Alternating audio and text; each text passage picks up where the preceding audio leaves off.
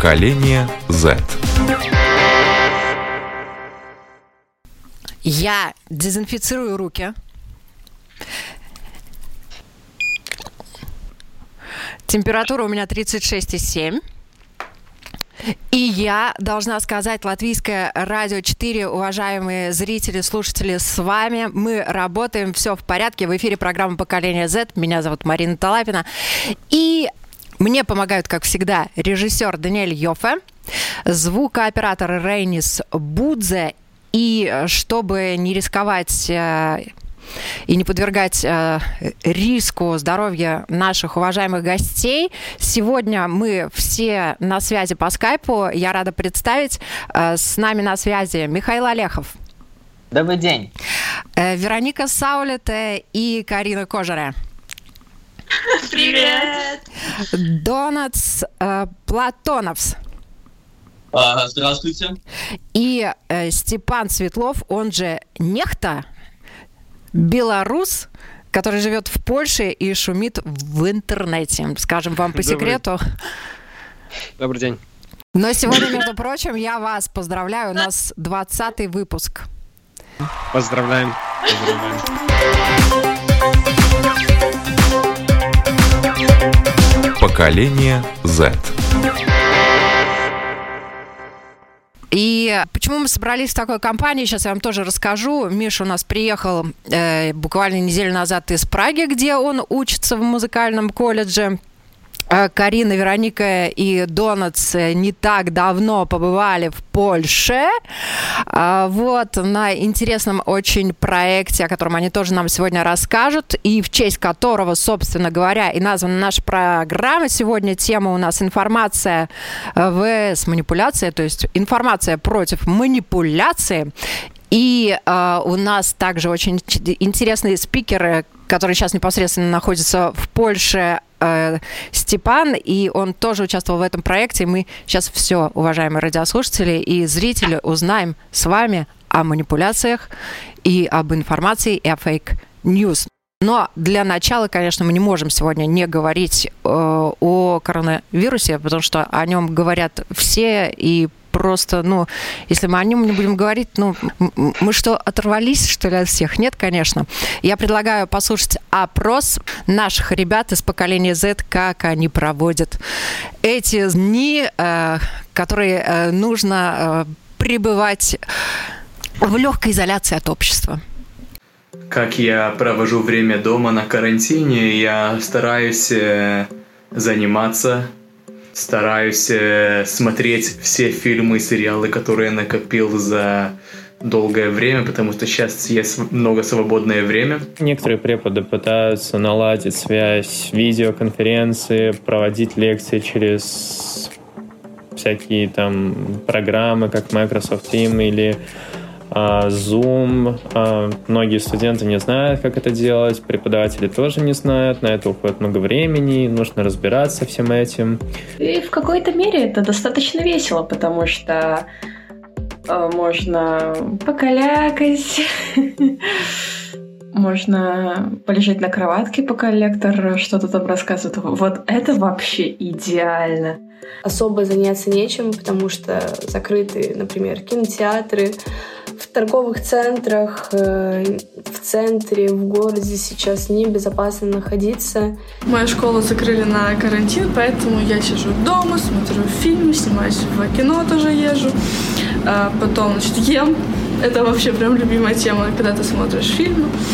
но со временем мне это надоедает, и я езжу в гости к своим родным или друзьям, потому что я очень общительна, мне всегда нужно с кем-то пообщаться, просто поговорить по душам. Карантин карантином, но работу никто не отменял, поэтому мы на работе в штатном режиме. Обрабатываем руки, носим маски, не снимаем их. И жизнь идет как обычно, только немножко в другом формате. Я передвигаюсь только в личном транспорте. А, Хожу в магазин только за продуктами и не каждый день.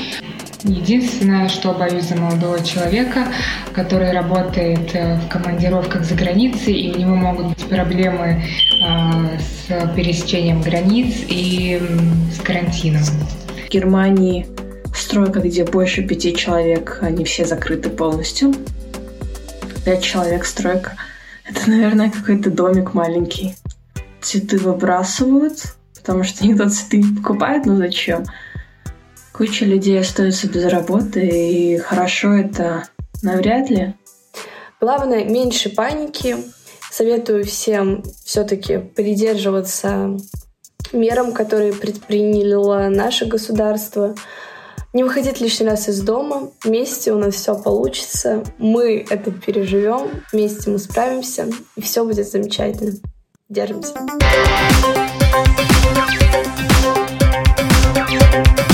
Поколение Z.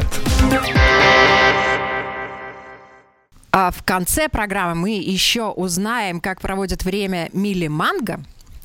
А, она не просто его проводит, она дает очень хорошие советы и рекомендации, но это в конце программы, поэтому, пожалуйста, уважаемые зрители, радиослушатели, оставайтесь с нами. И, э, конечно, я хочу спросить наших гостей, которые с нами на связи по скайпу. Ребят, вот, Миш, наверное, давай начнем э, с тебя. Ты приехал из Чехии и уже неделю дома. Как у тебя проходит период адаптации? Я приехал из Чехии в прошлый четверг. У нас началась, а, можно сказать, паника в Праге примерно две недели назад, когда появились первые зараженные. И а, было очень было понятно, что скоро закроют границы. Но все стало куда более обост... все обострилось, когда оказалось, что один из зараженных был таксист, и власти не могли сказать, сколько было зараженных случаев. Это было, как я помню, вторник, и нам а, объяснили, что школа закрывается с завтрашнего дня. Все такие, о, а что дальше? И у меня был а, вариант лететь а, обратно домой или в субботу, или же в четверг. Я выбрал вернуться в четверг, потому что было понятно, что Чехия закроет границы, тоже наша Латвия. И когда я вернулся, на следующий день уже сказали, что закрывают границы и уже не будет полетов, международных перелетов. Короче, Поэтому тебе я, повезло. как говорится, успел за, за, заскочить в последний вагон уезжающего поезда. Ну и слава богу. Ну и ты с нами. Ну, да. Ты, ты А. в пределах нашей замечательной родины. Как и у нас, все стараются сидеть дома, потому что в Чехии уже достаточно много случаев, как я сегодня смотрел новостя, а, по новостям. И что еще могу сказать? А, власти в Чехии ввели такое требование, что без масок выходить на улицу нельзя. И как и мне так кажется, у нас есть определенное время, когда именно люди, которые попадают в группу риска, могут закупиться, и они более как-то создаются все условия, чтобы они не заразились. Поэтому все делается, чтобы паника не вызывалась, но, как говорится, надо сохранять позитив. Ну, конечно, Вот это- надо сохранять позитив. Девчонки однозначно сохраняют позитив, ничего не боятся, встречаются. А Как, как вы проводите время? Я работаю с детьми, поэтому работы у меня сейчас нету. Э, Мы сейчас на карантине.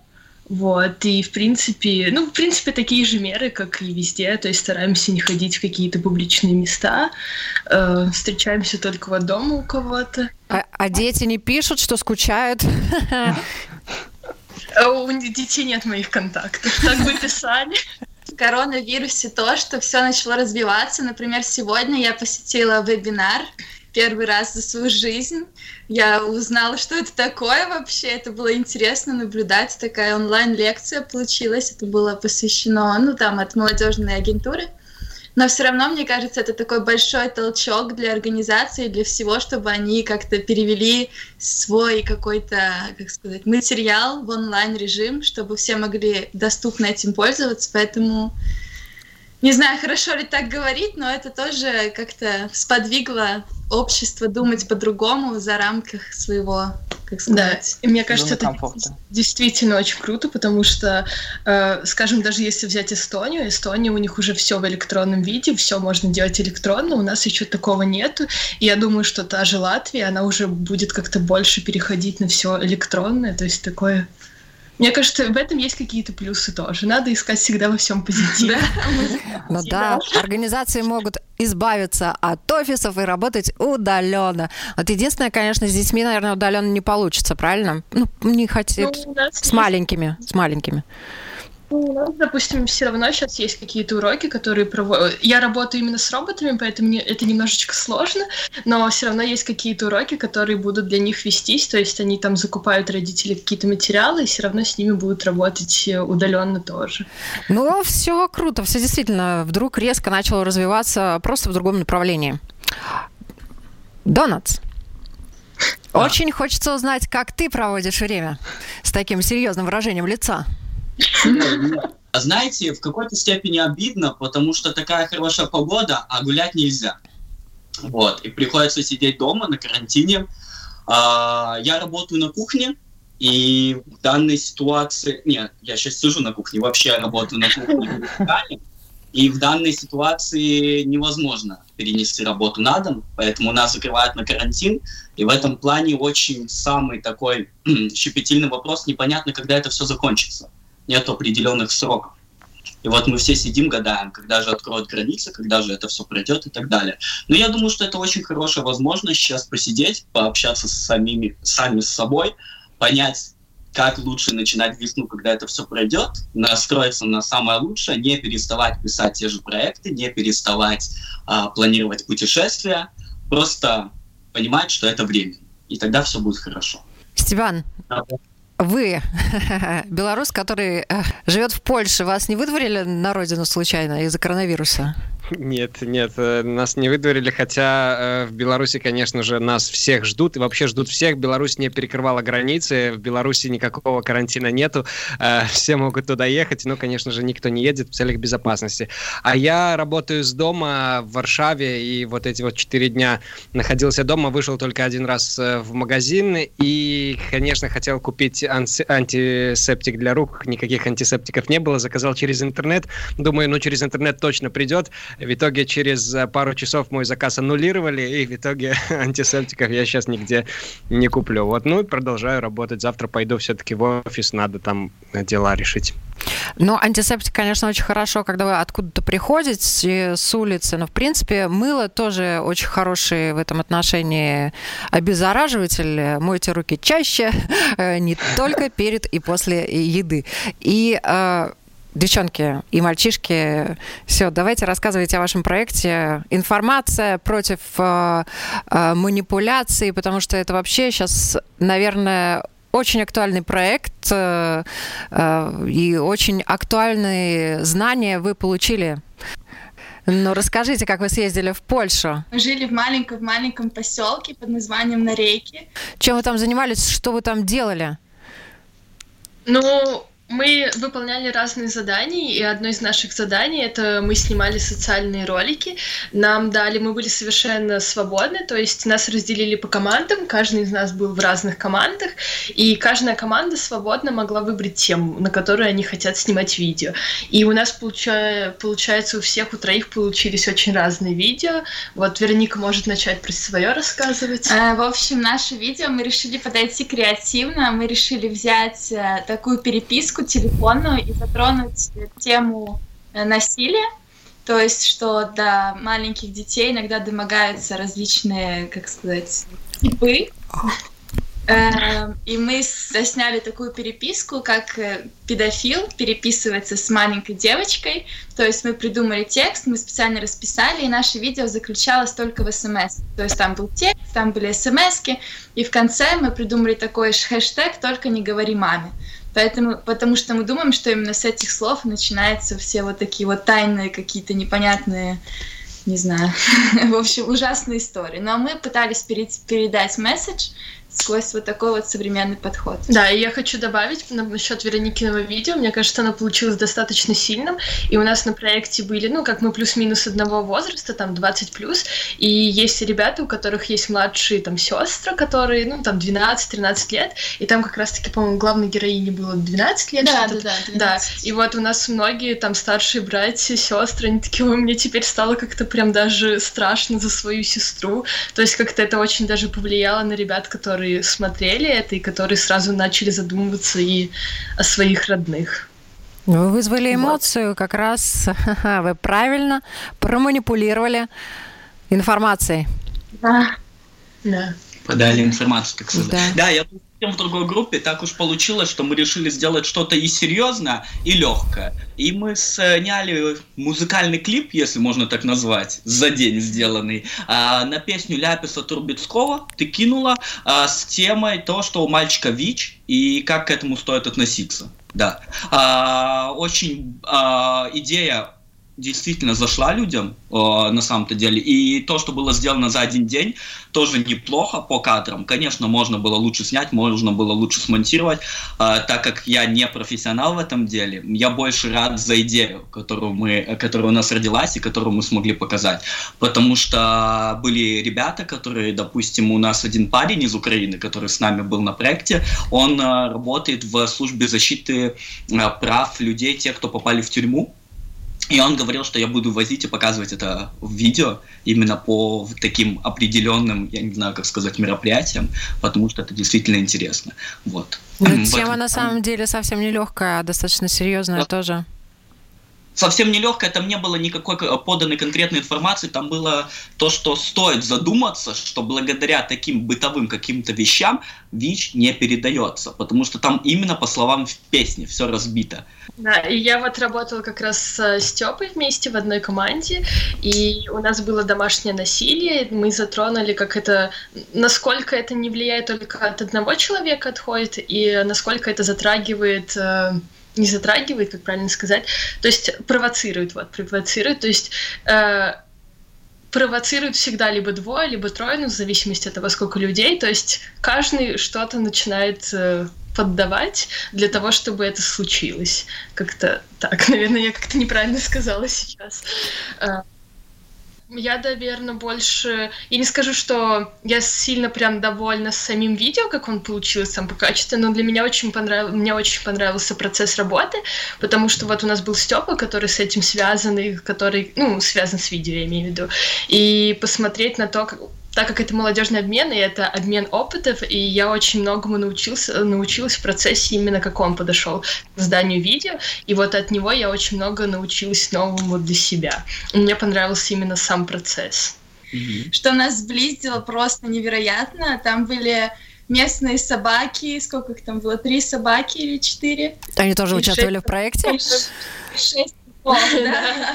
Они стали частью проекта. Просто это все, это все произвело такой антураж, потому что тоже интересно, что противоречиво. У нас было мало Wi-Fi, но несмотря на это мы использовали свои знания какие-то, и это был действительно молодежный обмен, потому что не было э, как сказать, у нас не было э, возможности смотреть информацию в интернете, как бы мы это делали, и мы действительно делились своими знаниями, что мы знаем про манипуляцию, информацию и вот. Да, так у нас было пять стран. У нас была Латвия, Литва, Польша, э, Беларусь, Украина. Пять назвала, да? А, да, вот. И да, то, что вот Вероника сказала, мы, получается, мы жили, у нас было два дома, мы жили в этих двух домах, и поблизости у нас больше ничего вообще не было.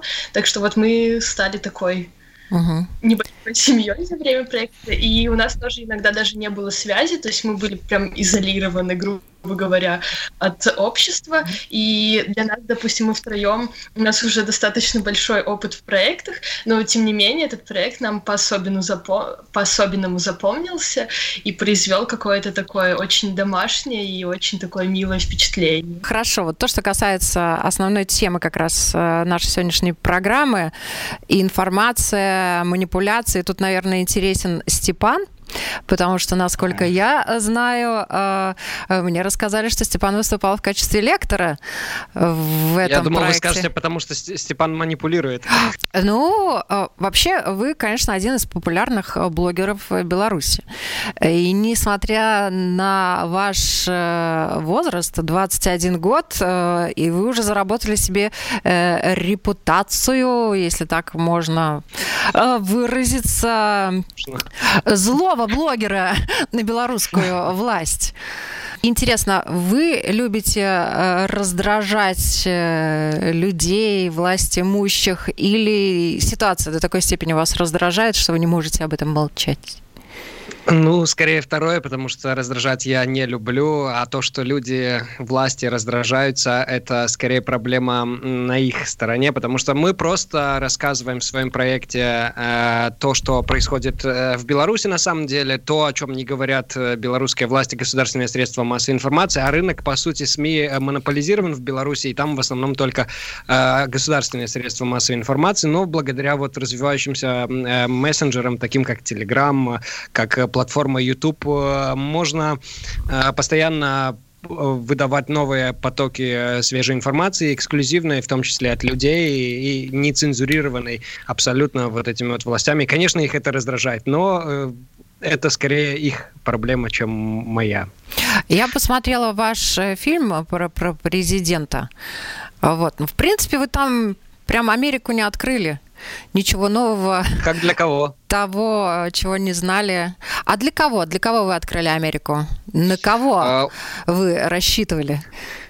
Очень много молодых людей э, писали в комментариях, что для меня это что-то совершенно новое. Я совершенно не знал, э, что такое происходило в Беларуси. Вот эти 90-е годы. А ведь молодежь, э, которая родилась после 2000 года, вот это вот поколение уже после Z, они совершенно не знают эм, о том, что происходило в истории Беларуси. Они этим не интересовались. А вот этот фильм, он помог им эм, ну, в стране с помощью таких современных э, ну, методов, как некоторые называют, монтажа. Э, это удалось э, сделать. И ну, людям просто нравится вот этот продукт он сделан. И, и они благодаря этому узнали вот то, что происходило в Беларуси. Но они благодаря этому узнали, что происходило в Беларуси, а вы благодаря этому о, привлекли к себе внимание публики. Молодой вопрос. Ну и Зачем? Зачем вы привлекли внимание публики? Э, ну, скорее, тут речь шла не только про привлечение внимания, а просто рассказать э, о том, что происходило, потому что таких продуктов, на самом деле, в Беларуси очень долгое время не было, и понятное дело, что э, делать что-то такое, находясь в Беларуси, просто невозможно. Ну и вот пришло сознание. Вообще, это был фильм-подарок, как бы, уважаемому Александру Григорьевичу на день рождения, но поскольку вот это вот все растянулось, там столько таких фактов было, что это вышло не в конце августа, а в конце октября, по-моему. Вот. Ну, привлекли не только внимание публики, привлекли внимание и госорганов, они тоже как-то реагировали. И сам э, Лукашенко не, неоднократно этот фильм э, вспоминал, что якобы там факты, что он душил котов, не подтверждаются, хотя, хотя вот в деревне, в которой он жил, говорили, что подтверждается. Вот. Ну, в принципе, был общественный резонанс, и это хорошо, что люди узнают э, на самом деле правду. Вот вы живете в, Бо- в Польше достаточно давно, да, около 10 лет? И... А, нет, 5. 5 лет, да. Но вы собираетесь возвращаться в Беларусь? Э, ну, конечно, я вообще не планировал, так скажем, уезжать из Беларуси. Я последний раз, когда уезжал э, в феврале 2020-го, я думал вернуться через пару месяцев. Но поскольку пришли с обыском и начали шить дело за оскорбление президента, есть такая статья в Уголовном кодексе Беларуси, то я понял, что уже охота а, объявлена, и все-таки возвращаться не стоит для своей же безопасности. Ну, пока я полезней за границей. Угу. И что вам грозит в случае, если вы прямо сейчас вдруг из-за коронавируса вернетесь на родину? Э, сложно сказать, но как минимум э, то, что я якобы не являлся по повестке в армии, уже это официально подтверждено. Э, мне запрещен выезд из Беларуси. Ну и плюс там разные статьи, опять же, от оскорбления президента до экстремизма, до дискредитации Республики Беларусь. Такая есть статья также, поскольку в телеграм-канале часто какие-то документы из Министерства обороны, например, публикуются, то, конечно, пришить можно все что угодно. А в Беларуси был бы человек, статья найдется. Власть э, имущей в Беларуси вам не нравится. Но интересно, вы этим фильмом показали, что власть недостойна быть властью. А что бы вы хотели изменить тогда? Власть. Хорошо. А вы хотели бы сами во власть? Нет, я бы не хотел, но, э, конечно, многие спрашивают, вот если бы ты, по примеру некоторых там э, соседних государств, э, попробовал прийти в политику, какую-то собственную партию зарегистрировать, возможно, это было бы интересно, если бы политическая модель, которая есть в Беларуси, действительно работала, если бы депутатов не назначал президент, а депутатов выбирал на самом деле народ, были какие-то партии, то, возможно, это бы, стоило бы, но в целях эксперимента просто попробовать. А, возымеет ли это какое-то а, воздействие и будет ли полезно людям. Если нет, то нет. А, на самом деле во власти мне не хочется, я хочу работать именно в информационном плане, рассказывать вот людям, что происходит. Да я, в принципе, с видео уже, наверное, лет 10 э, точно работаю, и мне нравится вот именно монтаж, э, съемки. А власть не нравится, да? Ха-ха-ха. А власть не нравится, ясно. Но а вы уверены, что вот если вдруг э, произойдет э, смена власти в Беларуси, то те, кто придут, будут лучше? Никто не может быть уверен, и абсолютно нет. Ну и есть такой популярный тезис, а кто, если не Лукашенко, который часто задают представители власти в Беларуси и думают, что на него нет ответа. Ответ на самом деле есть. Это может быть парламентская республика с э, не такими большими а, полномочиями, как сейчас у президента, чтобы вся власть не была сконцентрирована в одной руке. Ну и, в принципе, сам Лукашенко в последнее время об этом часто говорит, что нужно вот идти в сторону вот, вот этой модели. Тема нашей программы «Манипуляция». Кто кем манипулирует в данной ситуации? Как таковых приемов, приемов манипуляций мы не изучали. Мы скорее изучали, как э, манипуляции противостоять с помощью различных э, блоков. Э, мы создавали свои газеты, э, каналы. Это было очень интересно. И, конечно, э, в том числе потом делали выводы, что не всегда то, о чем мы говорим, э, может восприниматься другими людьми также. И э, стоит все-таки немного Э, писа- немного писать так, чтобы не возникало у, у людей вопросов, но это скорее просто для э, уже более профессиональных журналистов, а так для простых людей будет достаточно э, нескольких выводов. Это проверять информацию по нескольким источникам, по пробовать добираться до первоисточника и смотреть, э, как э, вот СМИ воспринимается обществом, как э, экспертами и так далее. То есть знать, кто что, где, условно говоря, кто за что топит и а почему не всегда стоит воспринимать информацию вот так э, однобоко. Как говорила Алиса в «Стране чудес», да, чем меньше знаешь, тем легче тобой управлять. А мне кажется, что мы живем во время, э, когда уже хочется знать поменьше.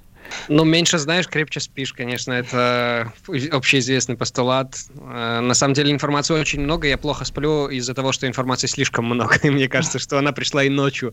Вот. Поэтому, на самом деле, лично если я за себя говорю, то мне, конечно, хотелось бы ограничить все эти потоки, но а, пока невозможно, потому что, а кто, кто если не я? Всегда задаешь себе вот этот вопрос. Переработать всю, весь этот поток, мягко выражаясь. Девчонки, как у вас? Мне кажется, самое важное это не просто получать, а знать, что ты получаешь, и управлять этими потоками информации. А чем их больше становишь, становится, тем это сложнее, конечно, но все равно это не значит, что надо отпускать руки, это все равно надо интересоваться всем, что тебя интересует. Это надо все еще раз изучать, смотреть, все источники сверять, как нас учили на проекте. Все смотреть, все, чтобы было как сказать, достоверно и верить только тому, короче, обладать критическим мышлением и верить тому, чему надо верить. Как-то так. Ну да, я могу добавить, допустим, вот у меня сейчас прям пример есть из жизни, связанный с коронавирусом. А, на одной работе я не работаю, но у меня есть другое, где я помогаю. И вот как раз-таки там у меня не было времени вообще никак э, пользоваться соцсетями и быть в интернете, там максимум зайти в мессенджер-чат проверить какой-то. И то есть я вообще была не в курсе того, что происходит, коронавирус, там то, что эпидемии и так далее. И в субботу у меня был выходной, и я захожу в субботу, и я начинаю открывать ленту Facebook, боже мой, как много негативной информации. То есть я жила неделю, ну, пять дней, и не получала вообще ничего. И я жила себе спокойно. И вот за эту субботу я, у меня просто так как-то даже настроение понизилась, потому что так много негатива от этой всей информации, и ты как бы не можешь ничего сделать. Ты заходишь, ты не хочешь этого читать, но у тебя все равно вот эта вот вся лента, там, Инстаграм, не знаю, все-все, забита этой информацией. И как бы ты вроде хочешь абстрагироваться, но у тебя даже нет такого выбора. То есть либо ты вообще телефон тогда не трогаешь, либо тогда живи с этим. Нам всем нужно на информационный карантин. Это точно красиво. Донатс, что у вас с информацией, с потоком информации? Куда вы его деваете? Телефон откладываете, компьютер э, закрываете, разбиваете, вы выкидываете в окно, когда вас достает поток информационный? Да нет, в окно не выкидываю, смысла нет, на улице-то людей нету. А, компьютера нету, телефон практически пытаюсь себя ограничивать, но все равно не получается. Не получается. Но я люблю, я люблю читать с разных новостных а, порталов, и при помощи таких ситуаций, допустим, тот же коронавирус, сейчас очень хорошо можно развивать свое критическое мышление. Потому что сейчас ты можешь взять информацию там, там, там и понять, что важно для тебя. А, можно привести разные примеры, допустим, а, я сегодня ехал в автобусе, едет бабушка, она заходит в автобус, одевает маску, а когда выходит, ее снимает. А, толк в этом я не знаю, но вроде бы вот надо ходить в маске. Где надо ходить в маске? Хоть где-то, да? Вот она решила, буду ходить в автобусе. Поэтому есть какие-то определенные вещи, о которых лучше, лучше бы не засоряли, конечно. Но мне это жить не мешает, честно. Я люблю. Я люблю анализировать, люблю думать. И так как я не сталкиваюсь с таким количеством информации, как, допустим, Степа, в любом случае. Поэтому пока, пока давайте, я буду принимать. Миш, ты сегодня а, прокачался хочу... перед программой, я точно да, знаю. Да, я очень прокачался. А, я сегодня тоже провел небольшое свое исследование про то вообще, как появились fake news и сколько им, как долго они вообще существуют. И оказалось, что им больше 500 лет, что меня очень сильно поразило. Уже в 15 веке в Италии пытались манипулировать мнением с помощью информации. Хотя в то, еще, в то время еще не было печатных средств. Когда появились печатные средства, а, тогда вначале не указывались источники, так что то, что хотели, то и писали. Угу. Но в 17 веке а, было такое выдвинуто требование, чтобы люди знали, откуда информация а, у них появляется. И после этого какой-то, а, в какой-то порядок все это пришло. Кроме того, что я соглашусь с э, девчонками, что а, сейчас информационный поток очень сильный, очень большой. Некоторых он может в бессонницу вгнать, как меня в прошлую пятницу. Я тоже старалась несколько дней прожить без телефона, но, честно скажу, это у меня не получалось. Тоже хотелось его выкинуть. Но, но жалко ведь, поэтому, поэтому не до этого не дошло. Я открываю вечером э, ленту новостей, просматриваю, новости все хуже и хуже, и ты такой пытаешься заснуть, но не получается. Поэтому надо, надо стараться делать такие блокауты. Ну, на самом деле, лучше, наверное, новости открывать тогда с утра, чтобы до вечера ну, как-то да, так расслабиться. Я понял. Да, чтобы ночью спать все-таки. И то, что касается тех фейк, э, фейковых новостей, которые были в Средневековье, они больше все-таки касались э, религиозных тем и заблуждений. Очень, конечно, на безграмотности людей играли да, да. те же священники. Да? А вот то, что касается информационного потока сегодня, он все-таки, наверное, отличается если посмотреть в массе своей, как Facebook э, реагирует э, на те или иные новости, какие э, посты поддерживаются, да, и так далее. Там же народ очень легко ввести в заблуждение. Ну, вот эти фейки, они, по сути, и созданы для того, чтобы манипулировать людьми такими, которые легко вот воспринимают вот эту информацию. Например, вот недавно у нас была информация, что по вайбер-чатам там рассылали, что будут распылять ночью какое-то средство для дезинфекции по всему городу, закройте окна и вату какой-то положите на подоконник. Кто-то пошутил, Кирилл написал, что а, внимание, сегодня ночью будут из космоса лазерами замерять температуру. И несколько человек написали, а что, это правда будет э, из космоса температуру замерять? То есть э, бывают слишком глупые фейки, но люди все равно верят. Потому что, ну, я, у меня вот нет лично ответа на вопрос, почему. Ну, потому что, наверное, не совсем медиаграмотный. Старшее поколение, например, те новости, которые связаны с коронавирусом, воспринимает более серьезно. Да, и интересно э, ваше отношение вашего поколения к этим новостям. О, прикольно, серьезно, несерьезно вообще восприняли всю информацию, которая происходит в мире касательно коронавируса? Если брать по статистике и посмотреть количество заразившихся людей, я понимаю, что сейчас э, пытаются ограничить, чтобы это не пошло еще дальше. Но в какой-то степени я вообще не знаю, что сейчас происходит, и я боюсь представить, что будет дальше с э, нашей жизнью, не только вируса. Я имею в виду зарплаты и так далее, потому что это очень сильно сейчас ударит по странам. Это все прекрасно понимают. Очень сильно э, сократится, я думаю, зарплата, повысятся цены. Поэтому я сейчас не думаю о коронавирусе, честно говоря, потому что отношусь, как вы уже сказали, наше поколение относится более так лояльно. Это правда? Я также к этому отношусь. Я больше думаю, а что же будет дальше, когда это все закончится, и нам придется из всей этой ямы выходить. И это уже будет не две недели карантина, а три года так себе жизни. Поэтому вот мое отношение не совсем положительно ко всему. Короче, ты нарисовал такой достаточно пессимистичный сценарий. А, а может ну, быть, кому-то он покажется и оптимистичным, да? Все зависит от а. восприятия. Миш, давай ты хотел. Я тоже хочу присоединиться, к сожалению, к этой пессимистической точке зрения, потому что перед тем, как уезжать из Праги, я тоже спрашивал малых предпринимателей, а, что они думают. И очень многие особенно в туристической сфере или маленькие кофейни, они будут закрываться через месяц, если все это будет, все, а, весь карантин будет продолжаться. И, как сказал уже Донар, а, эта ситуация именно в плане экономическом очень плохая, потому что люди будут больше брать кредиты, и меня больше это все-таки волнует, что потом все будет очень дорожать, но здесь я есть и один э, позитивный момент. Э, жизнь ухудшится не только у вас, но и у всех сразу. Это да, это конечно. Все выше позитив. Вот. Но на самом деле, я уже не помню, какой вопрос был, но главное просто отсеивать какие-то недостоверные источники информации и стараться составить свой рейтинг СМИ, которым ты доверяешь, но и до конца даже им не доверять, э, до конца проверять информацию, если она вызывает сомнения. А вот и если говорить про Беларусь, там условия просто закрытости информации, люди совершенно не верят в официальные цифры, что там 51 э, зараженный, там уже по чатам информация, что 300, 400, проверьте, проверьте. А у врачей взяли подписку о неразглашении, то есть информацию только закрывают. Это еще больше паники создает. Они хотят остановить панику, это еще больше паники, получается, создает. Вот так ситуация там обстоит.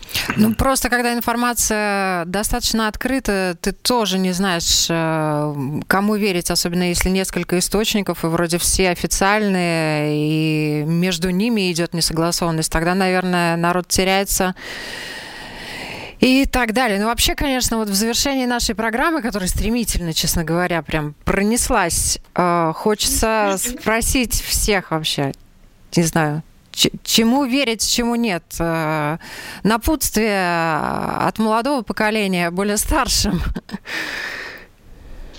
Но если про Беларусь сказать и про Польшу, вот сравнение Беларусь-Польша, то, например, в Польше Министерство здравоохранения дает информацию по зараженным в Твиттере там каждые три часа, плюс полная статистика, как заражен э, в телевидении, в каналах, в радио, везде вокруг э, информация, как предостеречь, э, как вот избежать заражения коронавирусом, везде принимаются меры, а в Беларуси абсолютно никаких мер нету. В Беларуси вчера основной новостью на телевидении было это 10 минут, э, они говорили о посевной. Посевная кампания начинается, ведь все-таки урожай э, сам себя не, не посеет. Вот. И поэтому э, сложно говорить вот именно про Беларусь. Беларусь — это основная проблема. А в таких странах, э, открытых информационно, как э, страны Европейского Союза, я точно не знаю, как в ваших странах, но в Польше точно эта информация э, из государственных органов, и все ей доверяют. Ну, из государственных органов сейчас вся информация обязана поступать во Всемирную э, организацию здравоохранения, которая также данные публикует на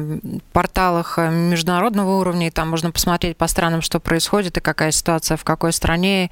И я думаю, вряд ли Беларусь будет э, так уж нарушать все эти требования Всемирной организации здравоохранения для того, чтобы вообще, ну, как бы серьезность ситуации в целом в мире по отношению к здоровью людей. Чему верить? А, чему нет, особенно если информация на тебя валится и такая достаточно жесткая, касающаяся здоровья твоего здоровья, здоровья твоих близких, твоих детей, твоих э, дедушек, бабушек и так далее. Как вот на все это реагировать? Бежать от нее, прятаться или не надо? Ну, бежать и прятаться точно не стоит, мне кажется. Но очень интересный пример, хороший вопрос вы задали. Я как раз думал.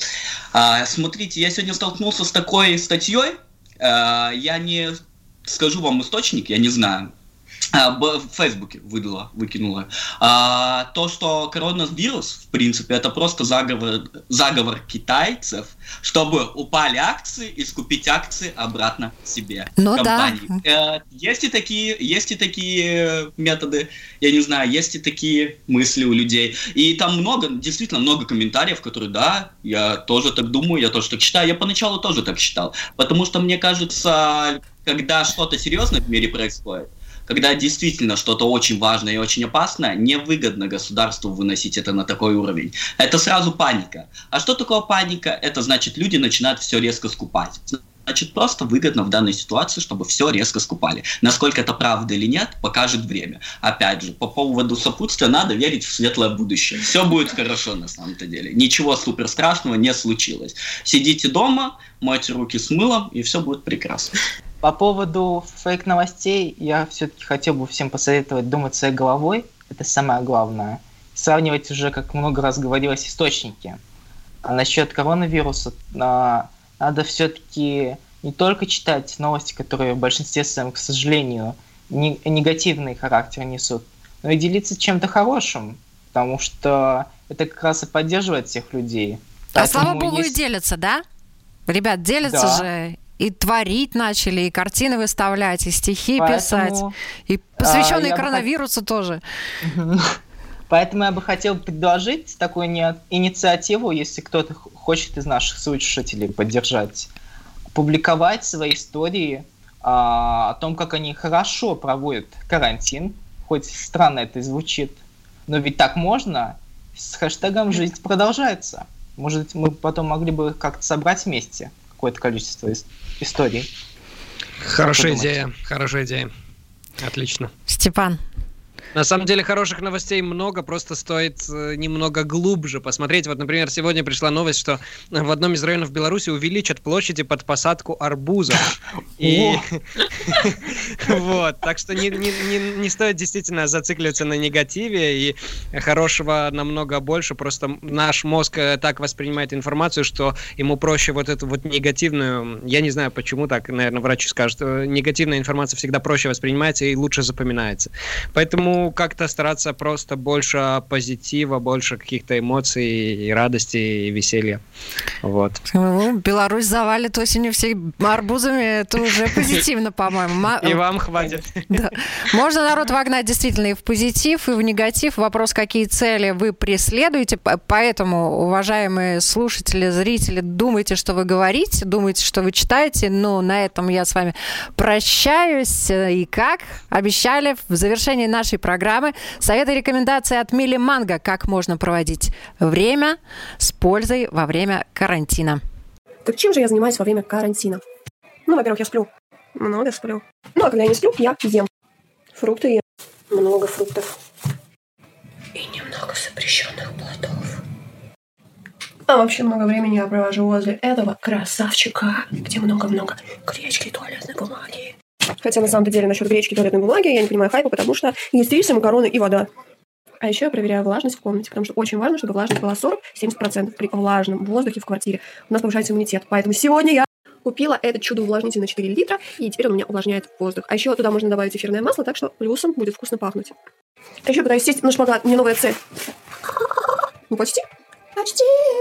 А когда я не пытаюсь сесть на шпагат, я слушаю свою любимую музыку. Мне нравится эта песня.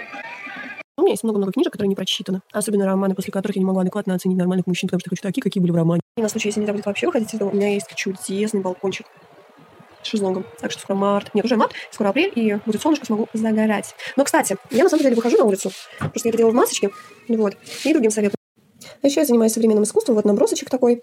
А, два как два, а вот нолики у нас как туалетная бумажка. Это символизирует 2020 наш год. Хожу на улицу, гуляю. А если захожу в магазин или в общественный транспорт, главное правило это для меня маска, а второе правило это дистанция. Ну и третье правило это чистые руки после того, как я прихожу домой. Вот. Три главных правила. Поэтому если их э, придерживаться, то все будет у всех хорошо. Еще хочу сказать по поводу масок. Сейчас, во-первых, дефицит масок, вот, и можно заменить вот на такую марлю, а, это обычная марля, можно четыре слоя ее сложить и наверх одеть а, такую вот а, бандану, и что это, неважно. Вот, или шарфик какой-то.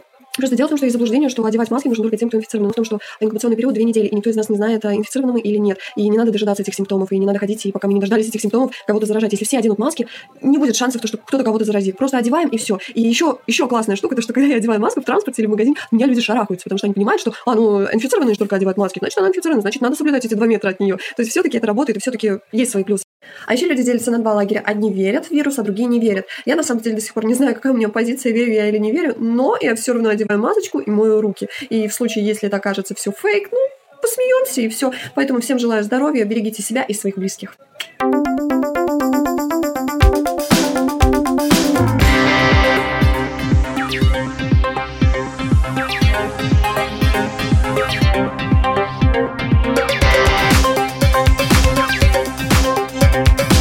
Поколение Z.